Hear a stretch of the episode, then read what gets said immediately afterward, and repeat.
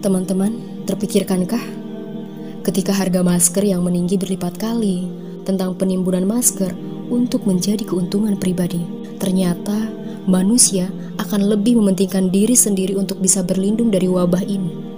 Bagaimana di akhirat kelak nanti ya? Tentang salah satu ayat Al-Quran pada surat Abasa disebutkan, فَإِذَا جَاءَتِ الصَّاخَةُ يَوْمَ يَفِرُّ الْمَرْءُ مِنْ أَخِيهِ وَأُمِّهِ وَأَبِيهِ وَصَاحِبَتِهِ وَبَنِيهِ لِكُلِّ امْرِئٍ مِّنْهُمْ يَوْمَئِذٍ شَأْنٌ يُغْنِيهِ Pada hari itu, manusia lari dari saudaranya, dari ibu dan bapaknya, dari istri dan anak-anaknya. Setiap orang dari mereka pada hari itu mempunyai urusan yang menyibukkannya. Pada hari apakah itu? Yakni, yauma yatadzakkarul insanu masa'a yaitu pada hari ketika manusia teringat akan apa yang telah dikerjakannya.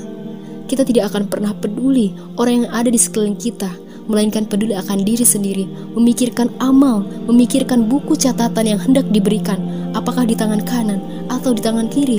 Jika di tangan kiri, fa innal jahimah hiyal ma'wa, maka sungguh nerakalah tempat tinggalnya.